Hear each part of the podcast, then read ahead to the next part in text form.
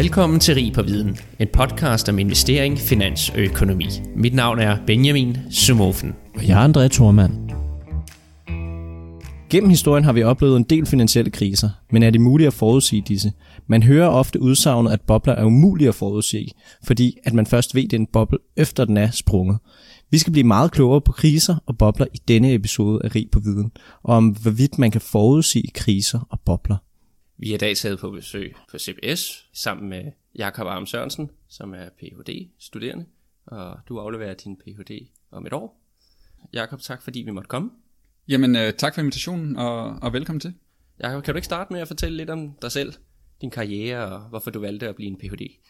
Jo, det kan du tro. Altså, jeg er Ph.D. her ved Center for Financial Frictions, øh, som hører til under Institut for Finansiering på øh, CBS.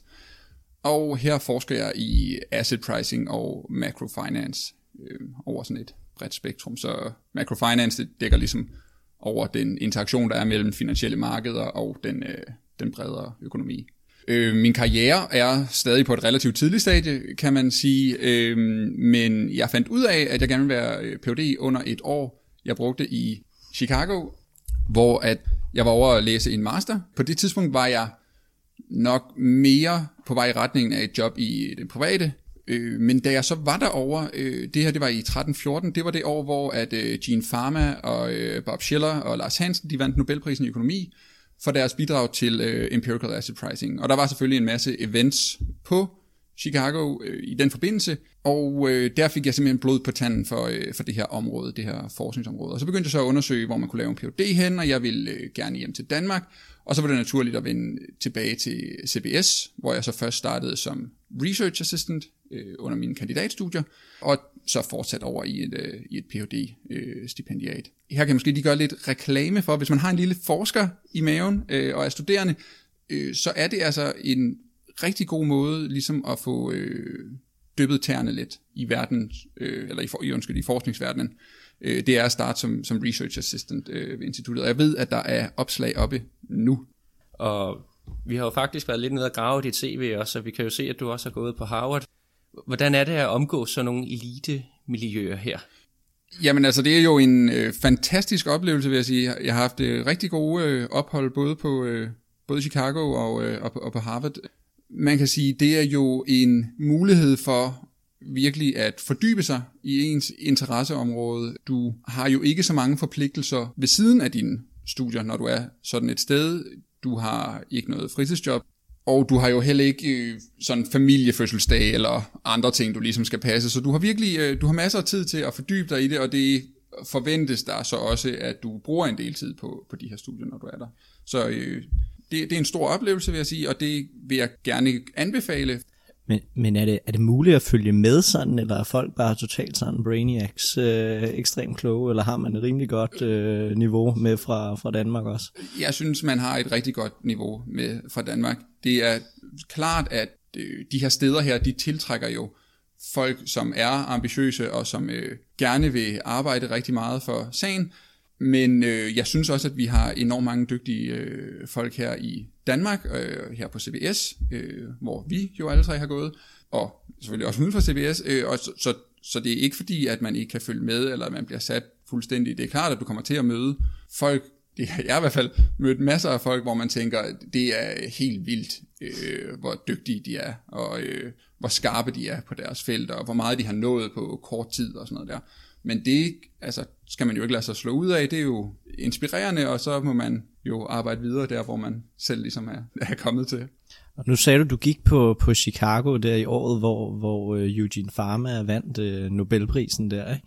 Som Eugene Farmer har jo også gået på, han har jo så gået på Booth, ikke? Business Schoolen uh, hos Chicago, mens uh, Bob Schiller har gået på Yale. Og hvad, hvad, hvad, altså sådan, nu siger du, at det var med til at inspirere dig. Er det sådan, det er Nobelprisen, man drømmer om, når man er phd studerende eller hvad, hvad er sådan de end goal? Det er der muligvis nogen, der drømmer om. Jeg tror, at det vil være øh, a bridge too far, vil jeg sige. Det er mere, øh, jeg, jeg er meget interesseret i forskningen. Jeg kan godt lide den livsstil, der hører til at være forsker. Og det er utrolig sjovt ligesom at sidde med noget, hvor man føler, man har en indsigt, som man øh, er blandt de første, der har, eller hvor man føler, man kan bidrage til at rykke den viden, der er i verden. Øh, men altså, det er små skridt, der vil sige, der er, der er jo meget langt øh, fra øh, mine fattige bidrag og så op til, øh, til det her, til, til drenge i, i, i den her øh, kaliber, kan man sige. Man kan i hvert fald sige, du skal ikke drømme om at være med i en podcast længere. Den er, den Nej, er det er fedt, sikret at jeg kan krydse Så den her bucket der vil vi gerne allerede ønske tillykke med... Tak skal du have. Men jeg, men jeg tænker for ligesom at bridge den over til det, vi skal tale om i dag, så vil jeg jo måske våge at påstå, at så fremt at det her papir øh, er en succes fremadrettet, og man kan bruge det til at forudsige finansielle kriser, så kunne det da godt blive en Nobelpriskandidat. Så, Men det er jo glad for, at du synes. Altså, det må stå for egen ja, men altså, hvis du, hvis du kan forudsige kriser, så, øh, så, er det da, så er det da okay, jeg tænker jeg, i forhold til, det er der noget, der mangler, er det ikke det? Det, øh, vi, vi mener i hvert fald, der er et bidrag her. Øh, jeg tror ikke, at øh, det er Nobelprismateriale, men vi er, vi er glade for, øh, vi, jeg er glad for, at du synes, at det er, Nå ja, det er vigtigt ja. nok. Så det er, Andrea er jo øh, aktieanalytiker, så det kræver også en vis optimisme. det er selvfølgelig rigtigt. Det er selvfølgelig rigtigt. Nå, men, men i hvert fald, hvis vi skal prøve at springe lidt ind i det, nu er dansen ligesom budt op. Hvorfor begyndte du egentlig at interessere dig for finansielle kriser? Jamen, jeg blev øh, student i 2008, så det var faktisk en af grundene til, at jeg valgte at starte med at læse øh, økonomi og finansiering, fordi jeg simpelthen synes, at det var, øh, altså det var jo både en forfærdelig episode, men også enormt spændende at finde ud af, hvad det var, der egentlig skete. Så det var egentlig en af grundene til, at jeg startede på studiet. Men så kommer man jo i gang med studiet, og ja, så kører tiden jo med at studere, gå til eksamener og hvad man nu bruger tiden på. Da jeg så kom til øh, Harvard, der øh, havde jeg en fast løbeaftale med øh, en af de professorer, som øh, jeg endte med at skrive papiret med. Og på de her ugenlige løbeture, der snakkede vi så om løst og fast. Og en af de ting, som vi diskuterede en del på de her løbeture, det var, hvordan det kunne være, at det var så svært at prædiktere finansielle kriser, når vi havde en vis idé om, hvad der burde løbe forud for kriserne, og hvorfor at der ikke var nogen, der ja, ligesom havde skrevet det her papir før. Han havde øh, allerede skrevet en bog om finansielle kriser og forventningsdannelse i perioderne op til krisen, så, øh, så, så det gav vi simpelthen i kast med, og det vil sige, at jeg begyndte at indsamle noget data og begyndte at prøve forskellige ting af, og der, øh, ja, det var ligesom udgangspunktet for, at vi, vi startede det her papir om finansielle kriser, kan man sige. Ja, der, der havde jo nærmest været sådan en norm for inden også, at jamen, nu har vi jo øh, fået lavet nogle politikker, der gør, at nu, nu er vi bare i den evige opsvingsperiode, hvor vi har, har styr på det. Vi sørger for, at økonomien ikke overopheder, og derfor så kommer der ikke de her store downturns også.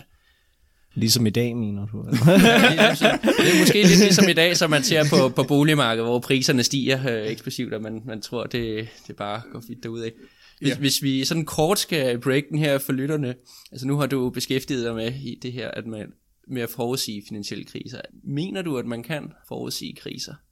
Altså, det vil selvfølgelig afhænge af, hvad din definition er af forudsige. Hvis du øh, med forudsige mener, at du med 100% sandsynlighed skal kunne sige, at en krise vil ramme på en given dato, så nej, der når vi ikke hen.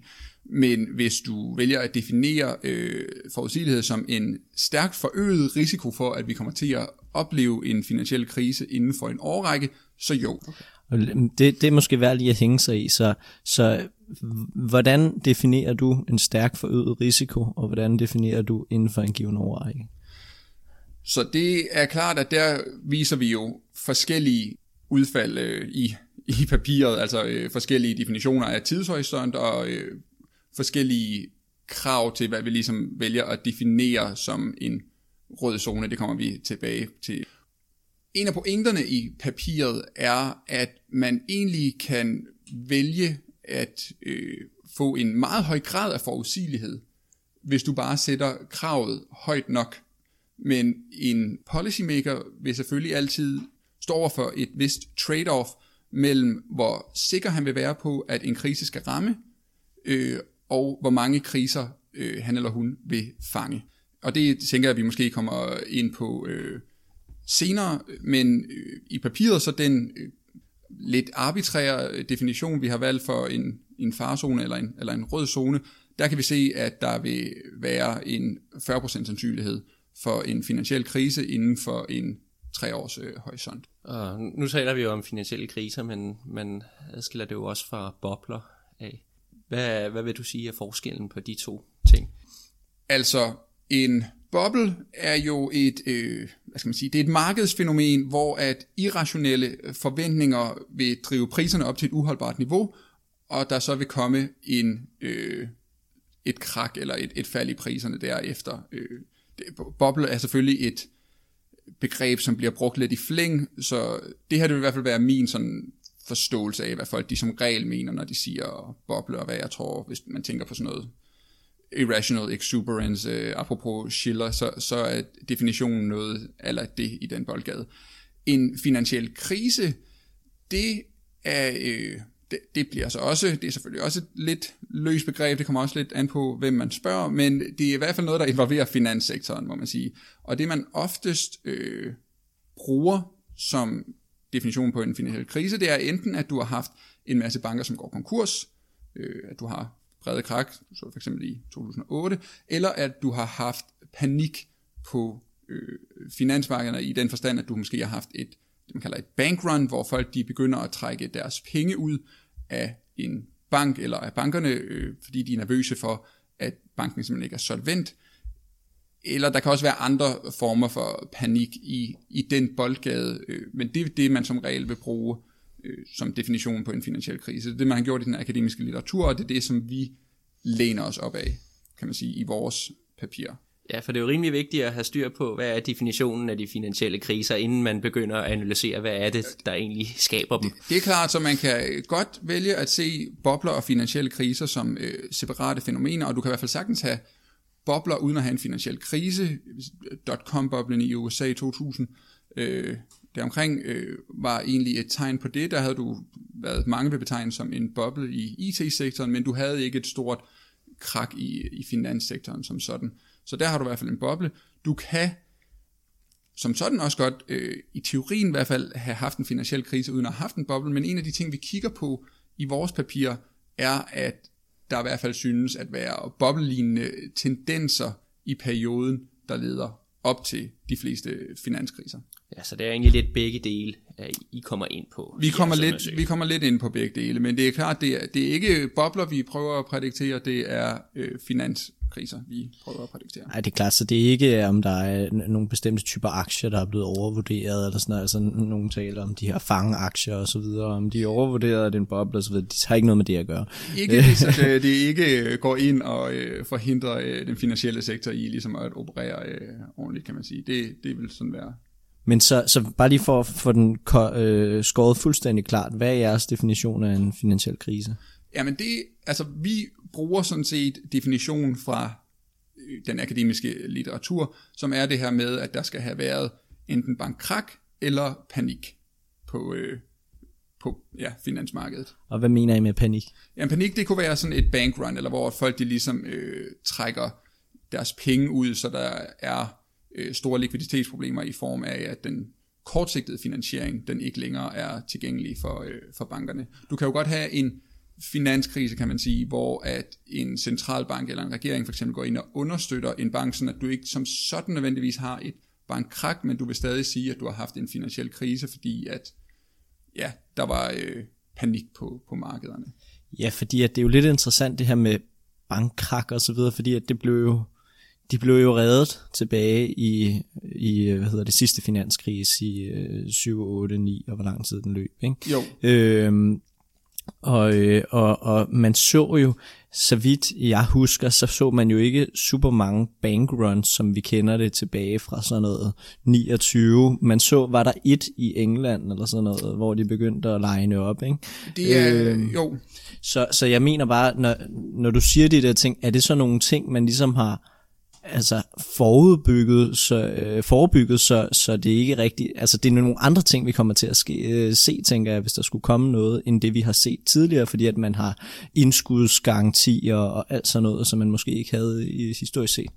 Jo, det er nemlig rigtigt, altså du, du ser jo ikke i dag øh, mange af den slags klassiske 29 bankruns, hvor at det er folk, der går ned og prøver at hæve deres øh, penge ud af banken, øh, netop fordi, at man er garanteret op til en, til en vis grænse, så det, øh, det, det har man til en vis grad sikret sig mod. Men der er andre måder, hvorpå banker opnår finansiering, som ikke er øh, sikret af de her øh, indskudsgarantier. Øh, og, og hvad kunne det for eksempel være, bare for at... Ja, men det er sådan, deres kortsigtede, de, øh, den måde de kortsigtede finansierer sig på, øh, ved at udstede øh, commercial paper, og hvad, og hvad de kalder de her øh, produkter øh, på markederne, der så man, at de markeder, de frøs i 2008. Der, det var simpelthen ikke muligt for øh, de finansielle institutioner at rulle øh, deres kortsigtede finansiering. Altså de kunne ikke genfinansiere sig selv, øh, hvilket havde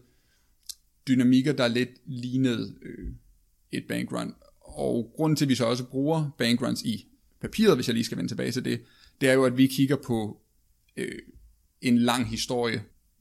Jeg kan se uh, i jeres, jeres uh, forskningspapir her, at de variable, som I anvender, blandt andet vækst i udlån og vækst i aktive aktier og huspriser, det er nogen, der har været anvendt i ret lang tid gennem litteraturen også, til at være med til at, at lave de her estimater på, hvor tæt vi er at forudsige en finansiel krise. Men, men jeg synes bare, at det går lidt imod, hvad man tidligere hører, at man kan ikke forudsige økonomiske kriser, men alligevel så har man et sæt variable, som man godt kan genbruge igen og igen, og som faktisk stadig har en forklaringskraft. Altså, mener du, at de stadig er valide den dag i dag? Ja, det mener jeg. Altså, det mener jeg, at vi, og vi bruger også i, i, i papiret en del krudt vil jeg sige på, og at, at sige, at det her, det er ikke bare en konsekvens af, at vi ligesom vælger 2008-krakket, og så prøver vi at fitte det. Vi viser også, at man kan, man kan godt have lavet vores analyse i 2000, og den vil sådan set have mere eller mindre den samme øh, predictive power. Altså du vil, du vil stadig godt øh, kunne have lavet den her, og så vil du kunne have set, da du stod i 2004-5 stykker, at okay, vi er i en overophedet økonomi, der er en forøget risiko for, at vi kommer til at stå i en finansiel krise inden for en årrække. Og det er klart, at kriser har som regel et eller andet særegen karakteristika. Altså, de kommer ikke til at ligne hinanden fuldstændig. Men hvis man kigger på de her rimelig brede variable, som, som vi bruger, så har de trods alt nogle fællestræk, som man kan bruge øh, på tværs af tid. Ja. Vil du øh, have lyst til lige at, at kort at skitsere de her variable op? For lytterne og fortælle, hvordan I, I bruger dem lidt mere konkret. Ja, altså det, bare de primære i hvert fald. Ja, bare, bare de primære ja, selvfølgelig. Det, vi vil sikkert gå ned i regressionen og virkelig... Nej, det, men, jamen, ja. jamen det kan jeg sagtens. Altså det vi gør, det er i papiret, der prøver vi at definere episoder, hvor at vi mener, at der vil være en øget risiko for en finansiel krise inden for en årrække. Og de her episoder, dem definerer vi så ved at kigge på, hvor meget gælden er vokset i forhold til den underliggende økonomi, og hvor meget øh, de, de relaterede priser er vokset over samme periode. Så vi kigger på det her inden for to sektorer. Vi kigger på det for husholdninger, hvor vi kigger på, altså hvor meget af husholdningernes gæld vokset over en treårig periode i forhold til økonomien, og hvor meget af huspriserne vokset over den samme periode.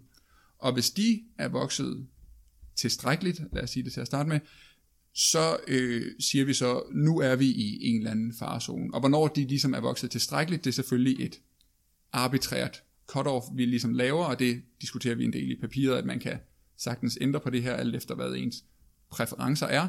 Men, men der ser vi så, at efter de her episoder, der vil der være en stærkt forøget risiko for en finansiel krise. Så den ene, det er så husholdningerne, og den anden, det er så, at vi også kigger på øh, virksomheders gæld, og knytter det til øh, stigninger i aktiepriser. Så, så vi prøver sådan intuitivt at fange de her gældsdrevne overophedninger af økonomien. Så det er primært, fordi, så det er en primært gæld, I kigger efter. Det er ikke, nogen vil jo også kigge på sådan noget som arbejdsløshed og andre makrofaktorer. Det er ikke noget, I sådan direkte sådan Det er ikke noget, vi kigger på, nej. Vi kigger på, det er rigtigt, det er meget gældsdrevne booms, som øh, vi kigger på, og det binder tilbage i en ældre akademisk øh, litteratur, øh, som jo vedrører det her med, hvorvidt øh, kriser er prædikterbare. Man kan sige, at der er to skoler. Den ene vil sige det her øh, klassiske udsagn med, sådan, jamen du kan ikke forudse en krise, så der er ikke rigtig nogen grund til for regulatoriske myndigheders side at gøre så meget op til regulatoriske myndigheder, de skal i højere grad agere, kan man sige, brandmænd, de møder op, når krakket det ligesom er sket, og så rydder de op, fordi der er ikke nogen grund til at begynde at prøve at intervenere for meget i økonomien, fordi vi kan alligevel ikke vide, hvornår krisen kommer, så vi kommer nok til at gøre mere skade end gavn. Den anden skole øh, læner sig op af nogle forskere, som hedder øh, Minsky og Kindleberger, som snakker mere om den her, øh, at økonomien går igennem sådan nogle boom-bust dynamics, hvor man ligesom vil se en stor udstedelse af gæld, som så vil øh, overophede økonomien, for at de bliver for optimistiske omkring, hvor sikker den gæld, der er blevet udstedt, den er, hvilket så vil medføre et forudsigeligt krak den dag, at folk de finder ud af, at der er blevet udstedt for meget gæld, og man ligesom begynder at trække sig fra, fra gældsmarkedet. Ja, så en eller anden grad af økonomisk øh, cykli, eller cyklus, eller hvad sådan noget hedder. Ikke? Altså, jo, vi, præcis. Renten, og det er jo derfor, jeg tænker, at de næsten også har noget med renten med. Øh, fordi at jeg tænker, renten bliver meget lav, folk har meget gæld. Og det, så det, er, det er korrekt. Altså i hvert fald rentespændet kunne jo være enormt interessant at kigge på. Øhm, og det vil vi også meget gerne have gjort, men problemet, og jeg ved ikke om vi skal tage det nu, men hvorfor vi ikke har inkluderet rentespændet, det er simpelthen fordi, at øh, dataet ikke har været tilgængeligt. Øh, vi kigger jo, det der ligger under vores historie er jo, at vi tænker, at de her booms her, de er drevet af et øget gældsudbud. Det er simpelthen blevet billigere og nemmere for folk at låne, og det vil så overophede økonomien. Og derfor er det jo naturligt, hvis man vælger at kigge på både væksten i gæld, og så kobler det til prisen på gæld i form af et rentespænd for eksempel. Det data er desværre ikke tilgængeligt for et internationalt panel, og vi er nødt til at kigge på et internationalt panel over en relativt lang tidshorisont, fordi at så mange finansielle kriser er der heller ikke. Så vi kan ikke bare kigge på et land, for eksempel USA, hvor vi har relativt god data tilgængelig på, på rentespænd. Noget andet, der også kan være problematisk i forhold til at bruge rentespænd, det er, at forskellige lande har forskellige traditioner, når det kommer til, hvordan virksomheder finansierer sig selv. Der er for eksempel i USA har man en tradition for at bruge virksomhedsobligationer, hvor man i andre lande har haft mere tradition for at bruge banklån til at finansiere virksomhederne, og der er sådan noget som et rentespænd kan være lidt sværere at få fat i. Det er måske et lidt mindre transparent marked, kan man sige. Jeg sidder og tænker her, hvis øh, vi lige holder lidt fast i gælden her som faktor. I har jo valgt i jeres undersøgelse at fokusere på to gældsfaktorer, hvis vi lige skal hoppe tilbage på det, ja. til at forudsige økonomiske kriser. I kigger på gæld i husholdningerne, I kigger på gæld i ikke-finansielle virksomheder, men derved så har I faktisk også undladt den tredje kategori, gæld hos stater. Og det er jo et aktivt valg, tænker jeg. Hvilke overvejelser og tanker har I gjort, siden I har valgt at ekskludere statsgæld? Jamen, de tanker, vi har gjort, det er, at vi egentlig bare ønskede at kigge på privatgæld til at starte med. Der er gode argumenter for, at statsgæld også kunne øh, have en kunne hjælpe til at prædiktere kriser, men det er simpelthen bare ikke det, vi har valgt at kigge på i det her papir, fordi at stater også øh, adskiller sig fra husholdninger på mange måder. Stater lever, om ikke for evigt, så i hvert fald væsentligt længere end husholdninger, og vil på den måde lettere kunne refinansiere deres gæld. Der vil selvfølgelig være kæmpe stor forskel på øh, stater. Øh, det er ikke det samme at udlåne penge til Argentina, som det er at udlåne penge til USA. Men som vi også lige snakkede om, så har stater også, eller i hvert fald centralbanker har en evne til at øh, printe penge for på den måde at, kan man sige, undgå nogle måske af gældsproblemer, men for så at få problemer med inflation og, og andre ting. Yes. Så øh, noget af det øh, i jeres model, jeg godt lige kunne tænke mig at høre om, det er, altså, når man skal forudsige, om der er en, kommer en finansiel krise inden for tre år, som jo er jeres definition, så tænker jeg også, at man nogle gange kommer til at forudsige det, uden der kommer en finansiel krise. Så, så når I kigger på jeres model, og øh, selvfølgelig har, jeg tænker, man har gjort den bedre og bedre løbende, ikke? Hvor, hvor mange gange kommer man så for eksempel op igennem den her, øh, hvad hedder det, øh, højkonjunktur, vi har haft de sidste øh, mange år, kommer man så til at sige, nu går der tre år, og så kommer der måske en finansiel krise i jeres model. Ja, altså det er jo, det er jo helt rigtigt, øhm, og det er præcis det problem, som en, øh, en policymaker, en finansiel myndighed, står overfor. Man kan sige, når vi definerer den her røde zone, som vi kalder det i papiret, hvor vi siger, at nu er der en stærk forøget risiko for, at vi vil opleve en krise inden for tre år, eller en given årrække, så har vi jo bare valgt nogle tilfældige cutoffs for, hvad den her røde zone skal bestå af. Så konkret så har vi sagt, at væksten i gæld skal være over den 80. percentil i vores sample, og prisen, eller væksten i prisudviklingen skal være over den 67. percentil. Så det er sådan den øverste, de, de, de 20% øh, største gældsbooms, koblet med øh, den største tredjedel af, af prisbooms i de her to forskellige sektorer. Og de her cutoffs er jo øh, fuldstændig tilfældige langt hen ad vejen. Vi har bare brug for at have en idé om, hvad der ligesom historisk set har været et stort gældsboom og et, et stort prisboom. Hvis man så kigger konkret på øh, det her med, hvor mange fejl man laver, det vil jo naturligvis være en funktion af, hvor man sætter de her cutoffs her. Hvis det er sådan, at vi ønsker at fange flere kriser, altså med vores baseline regression her, hvor vi bare har sat det på den, den nuværende red zone, så vil vi fange 64% af de kriser, som er i vores sample. Ikke? Så det er 32 ud af 50, og det er klart, at man kunne sagtens fange flere kriser end det, og måden du gør det på, det er selvfølgelig bare at, at slække på kravene for, hvad vi kalder en, en rød zone. Det det så vil gøre, det er jo så, at vi også vil sænke præcisionen i vores estimater. Ekvivalent, vi vil også sænke det, man kalder the true negative rate. Altså der vil være mange episoder, hvor at vi kommer til at sige, der er en krise, men hvor der så ikke vil være en krise. Og det, som man som finansiel myndighed jo er nødt til at afveje, det er, hvor dyre tror vi de fejl, vi kommer til at begå, de er. Så de to fejl, du øh, risikerer at lave i en usikker verden, det er jo selvfølgelig, at du kommer til at have falske positiver, som du siger. Øh, du kommer til at have røde zoner, hvor der ikke efterfølgende vil være en krise. Som myndighed vil du gå ind og måske intervenere i økonomien, uden at der nødvendigvis har været en risiko for øh, økonomien, og på den måde vil du måske lave en opbremsning af økonomien, som ikke er hensigtsmæssig, for der var aldrig rigtig farlig fare på færre. Den anden type fejl, du kommer til at lave, eller risikerer at lave i hvert fald, det er falske negative ægter. Det er de kriser, som du ikke prædikterer. Dem ved vi, at de er relativt dyre.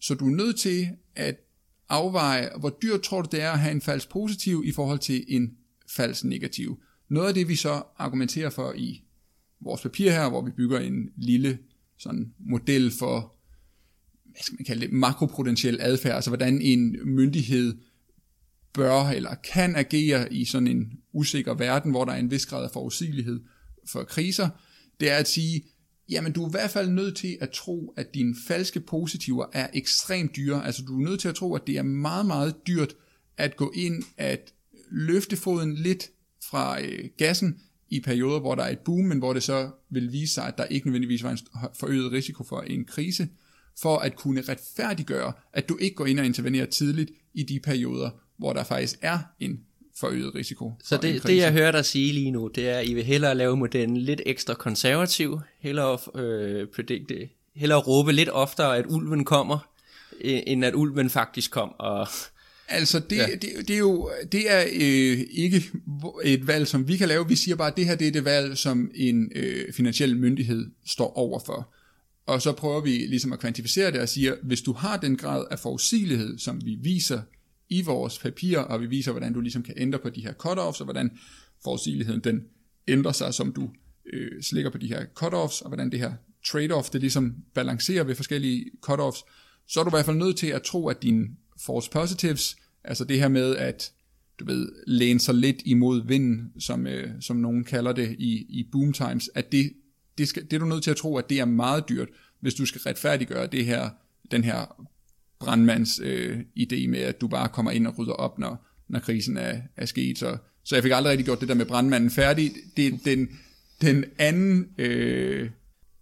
Ja, så hvordan, hvordan vil øh, din model have set ud, hvis du havde data fra 2020 eller 2021? Det er et godt spørgsmål. Altså man kan roligt sige, at 2020 jo var et ekstraordinært år. Jeg har kigget lidt på data op til 2019, og der har været lande, som har oplevet en eksplosiv vækst i gæld, og også en høj øh, vækst i priser, uden at de nødvendigvis har øh, været i det, som vi definerer som den, den røde zone, eller i, i, en, i en form for farezone. Men de har, de har dog været, der har været episoder, hvor et lande har været tæt på.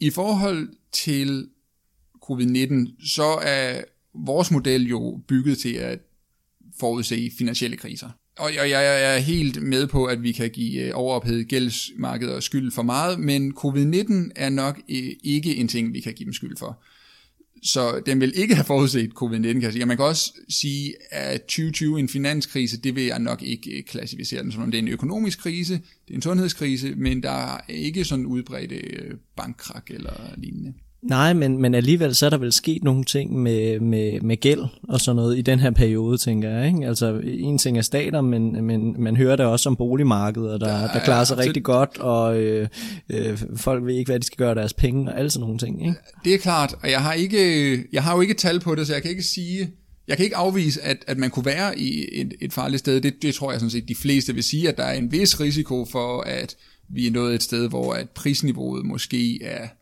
noget, altså det er noget et meget højt niveau, ikke? Der, der er også udstedt en hel del gæld. Hvordan det ser ud i en historisk sammenhæng, det, det har jeg simpelthen ikke lige uh, tallene uh, på her på mig. Uh, men, men vi kunne sagtens være et, et farligt sted. Der må lige komme en 2,0 snart. Ja, ja, det må der. Det, det, det vil da i hvert fald være. Det kan være, det den bliver den Nobelpris der. Jeg men, tror 2020-data, det, det skulle gerne komme inden for så længe. Det, det kommer jo med en vis latens, det her data her, fordi at det skal indsamles fra de forskellige myndigheder, som ligesom opgør de her ting. Og, men det kunne godt være, at det, det, det snart kom, det der 2020-data. Det, det er en cliffhanger. Ja. Øh, men, men så skal jeg bare lige være sikker, fordi det data, du har, det er så til og med 2016, som jeg forstår det. Ikke? Yes. Så øh, jeg mener, at i papiret tror jeg, der står, og det har jo så været med udgangspunkt i, i det data, at der øh, på det tidspunkt, den blev skrevet, var sådan noget omkring en 40% sandsynlighed for at komme i en finansiel krise, hvor normale tilstand var omkring 7%. Ja. Er det, det er rigtigt forstået? Det er helt rigtigt forstået. Så i 2016, da I hiver på data, sagde I, inden for tre år skal der højst sandsynlighed, eller skal for, med 40% sandsynlighed komme en finansiel krise? Mm, altså, øh, hvis du har et land, som vil være i den røde zone der i 2016, så øh, er det korrekt, og så vil vi have sagt, at så må der være en 40% øh, sandsynlighed for, at, der, at det land vil opleve en krise inden for de næste tre år. Jeg tænker bare, når, bare lige for at blive lidt med det her med data, fordi at jeg tænker, at udlånsvæksten er vel bare fortsat siden 2016. Øh, så så den, den, øh, den sandsynlighed må vel bare alt andet lige være, være steget siden da. Ikke? Altså vi har fortsat haft altså, et, et booming marked. Ikke? Mængden af gæld er, er helt sikkert øh, steget. Det som vi kigger på, og det som øh, der hvor vi siger, at det bliver rigtig farligt, det er, hvis gælden den vokser meget hurtigt i forhold til den underliggende økonomi. Så øh, det vi kigger på, det er, hvor hurtigt, hvor meget, ja, hvor hurtigt vokser gælden i forhold til BNP for eksempel. Og der har der på noget virksomhedsgæld øh, i hvert fald været en, en voldsom vækst i, i det, jeg har set. Der har muligvis også været det for husholdning, men det er faktisk ikke det, det, er ikke det, jeg har set på de lande, jeg har, har kigget på. Der har øh, husholdninger helt sikkert taget en masse gæld. Nu skal vi huske, at jeg snakker ikke om 2020 her. Jeg snakker om måske lidt længere år til, tilbage. Gældsvæksten har ikke været eksplosiv nok til ligesom at vi vil sige, i hvert fald ikke, det har ikke været noget, der har været at sammenligne med 2004 eller 2005 seks stykker der i, i årene op til øh, finanskrisen. Jeg tænker bare, at væksten i, det kommer jo selvfølgelig også an på, hvad for nogle lande man så taler men, men altså, jeg tænker, væksten i hvert fald øh, den vestlige verden har vel ikke, der har vel ikke været noget rigtigt at snakke om de sidste mange år. Øh. Snakker du om væksten i BNP? Ja. Ja. Der har vel ikke været så meget, så jeg tænker, det er vel ikke så svært for udlånsvæksten at slå den vækst, kan man sige. Det, og dermed det er det selvfølgelig øh, ikke. kommer der noget mere sandsynlighed for en krise. Det, det er rigtigt, model. men øh, jeg vil sige, og nu kommer der jo sikkert en, der kan sikkert komme nogle mails, hvor de siger sådan, om vi har, hvis du kigger på det her land og på det her land, øh, så har væksten været, du ved, helt ekstrem. Og øh, der har også været... On høj, average, vest, har, vest, der, vest, vestlige lande. Ja, der har øh, også været høj gældsvækst, men det har ikke været i den øh, størrelsesorden, som man så for eksempel op til, til 2008. Det, øh, det har det ikke i det data, jeg har kigget på, vil jeg sige. Hvis jeg så skal prøve at tage min forbehold her. ja, ja, ja, ja, men det, det er super fint. Du får dit forbehold. Mm. tak. Ja. Og så øh, en anden ting, der er jo både Andrea, Henrik og jeg, vi elsker jo at tale om investering, og der skal vi altså også lige forbi i det her afsnit her. Og hvis nu man sidder derude som porteføljemanager eller privat investor, hvad kan key takeawayen så være? Altså, fordi det kunne godt være, at hvis nu man kigger ind og kopierede jeres model, jamen så siger den jo stadigvæk, at vi befinder os i rød zone i 2005, 6 og 7, hvilket faktisk gav nogle ret gode afkast ude på aktiemarkedet. Så det havde jo også været super ærgerligt at skulle kontant tre år op til krisen her. Så hvad, hvad kan man gøre, hvis man sidder derude som øh, PM'er eller privat investorer og godt kunne tænke sig at forudsige en finansiel krise? Ja, altså det er klart, det, det relaterer sig, nu er vi tilbage ved, ved Pharma og Schiller, ikke, der, og hele boble-diskussionen. Og man kan sige, der er to ting, måske overordnet set, hvis man skal kigge på bobler, som gør det svært at profitere på, på bobler. Et er, at det er svært øh, ex ante at vide, om man er i en boble. Altså, det vil være farmas kritik, det er sådan, når man bobler dem, du ved, vi kender dem ekspos, vi kender dem, når vi ligesom har set dem, når de er krakket, men når du først er i en voldsom prisudvækst, øh, prisudvikling, så ved du ikke, om du ved, det bliver ved med at gå op, eller om det øh, kommer til at krakke. Så på den, det er en ting, der ligesom gør det, gør det svært at profitere på det.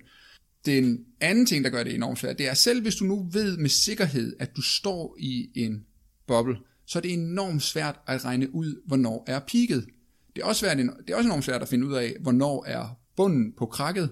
Du ved ikke, om du ved, rammer du bunden, eller øh, det, jeg, ved, jeg tror, nogle traders kalder det, at, at, at fange en, en faldende kniv, ikke, der, hvis du ligesom prøver at købe ind på, på vej ned.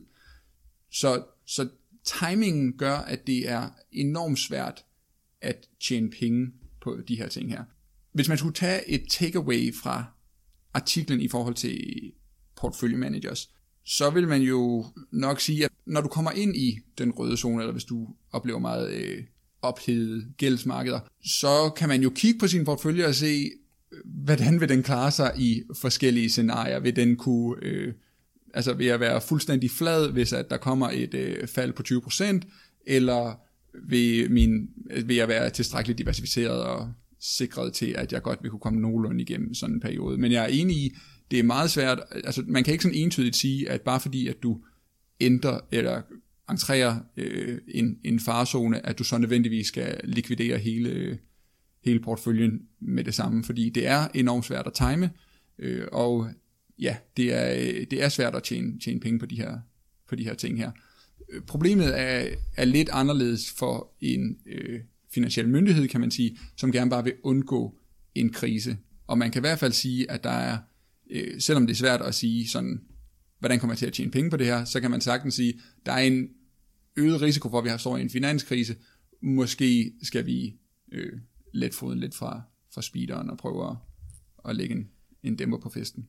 Ja. ja, jeg har lige øh, to spørgsmål til, øh, fordi vi er også øh, ved at løbe tør for tid snart. Så øh, et, hvad hedder det, sådan noget som markedets forventninger. Øh, er jo også data, man kan bruge. Øh, så hvad er konsensus ude på markedet for alle mulige forskellige ting.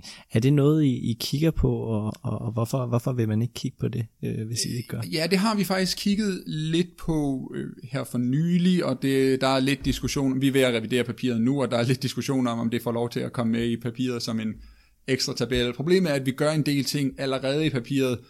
Nu har I set papiret, så I ved, at det er allerede, det er allerede ret langt. Så jeg tror, at det lader vi nok andre om, eller så kommer der et nyt papir, hvor vi kigger mere på forventningsdata.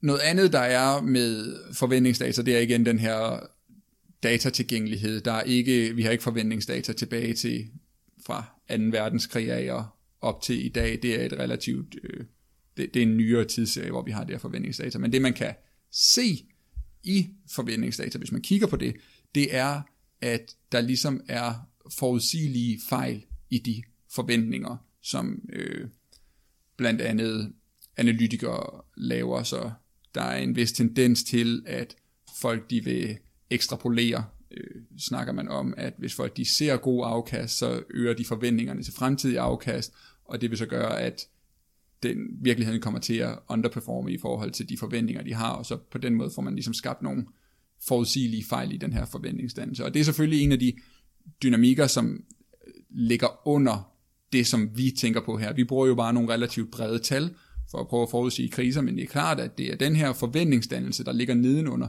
som altså at den underliggende hypotese for, hvad, hvorfor, hvorfor er det, vi ser de her ting, hvorfor er det, at de her gældsmarkeder, de overopheder, jamen det er måske fordi, at der er en eller anden irrationel forventningsdannelse, hvor folk de begynder at ekstrapolere, og hvor folk de begynder at negligere øh, downside risk, altså risikoen for, at man har et krak. Det vil, det vil være meget i tråd med det her øh, menneske Kindleberger øh, teori.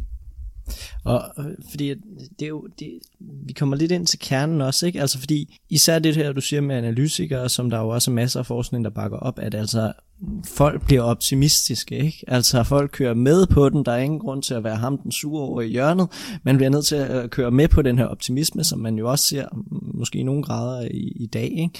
Altså, så hvad er det måske, vi har set historisk, og, og man, man ligesom ser stopper festen, altså fordi der skal jo et eller andet til ligesom at gå ind og hugge, og nu har vi ikke penge mere til at betale, eller hvad, hvad, hvad, hvad er det, der går galt? Ja, det, det turning point der, det er jo problemet med timingen, ikke? det er, hvornår vender markedet, hvornår går det op for nok folk, at man er et uholdbart sted, og hvornår øh, stopper festen sig ligesom. For det er jo rigtigt det her med, du ved, når, når musikken spiller, så er det bare mere dans, ikke der? Fordi at det, det, det er svært at sige, hvornår musikken den, den stopper, og alle andre danser jo også. Så det er svært at sige, hvad det er, der gør, hvornår det er, det vender, ikke der?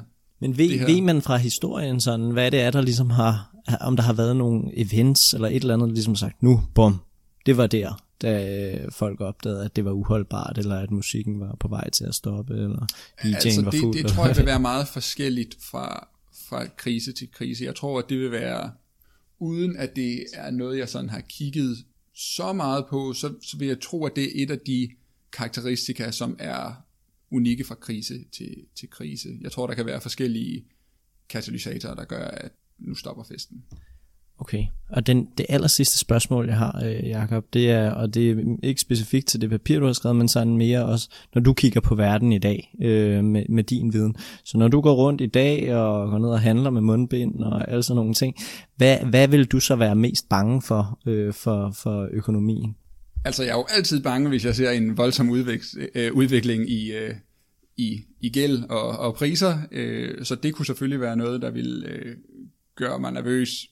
Der er jo selvfølgelig, altså det er jo en vild tid, vi lever i, så jeg er jo selvfølgelig bange for vaccineresistente mutationer af covid, som gør, at øh, vi skal arbejde for vores hjemmekontorer øh, langt, øh, ja, indtil vi bliver pensionister, ikke? Og det, det, altså, der er selvfølgelig nogle helt konkrete bekymringer der. Noget af det, som der også er bekymring for ude i verden, det er jo hele det her, hvad, hvad betyder det her, den her meget lempelige penge- og finanspolitik, som bliver født rundt omkring, øh, kommer vi tilbage til, kommer inflationen tilbage, og kan vi kontrollere den, når den så kommer tilbage? Det, det, det er klart, det er nogle af de, de ting, som, som jeg og folk går rundt og, og bekymrer sig for. Øh, det er nok en, en, en podcast for sig. det er ikke det alt sammen, der jo nødvendigvis er relateret til, til vores papir. Jamen lad det være de sidste ord for denne optagelse. Jakob, vi vil gerne sige mange tak, fordi vi måtte komme og interviewe dig. Tak fordi jeg måtte være med. Tak for det, Jacob. Og tak til alle jer, der har lyttet med. Tak fordi du lyttede med til Rig på Viden. Vi håber, du blev klogere og vil lytte med en anden gang. På genhør.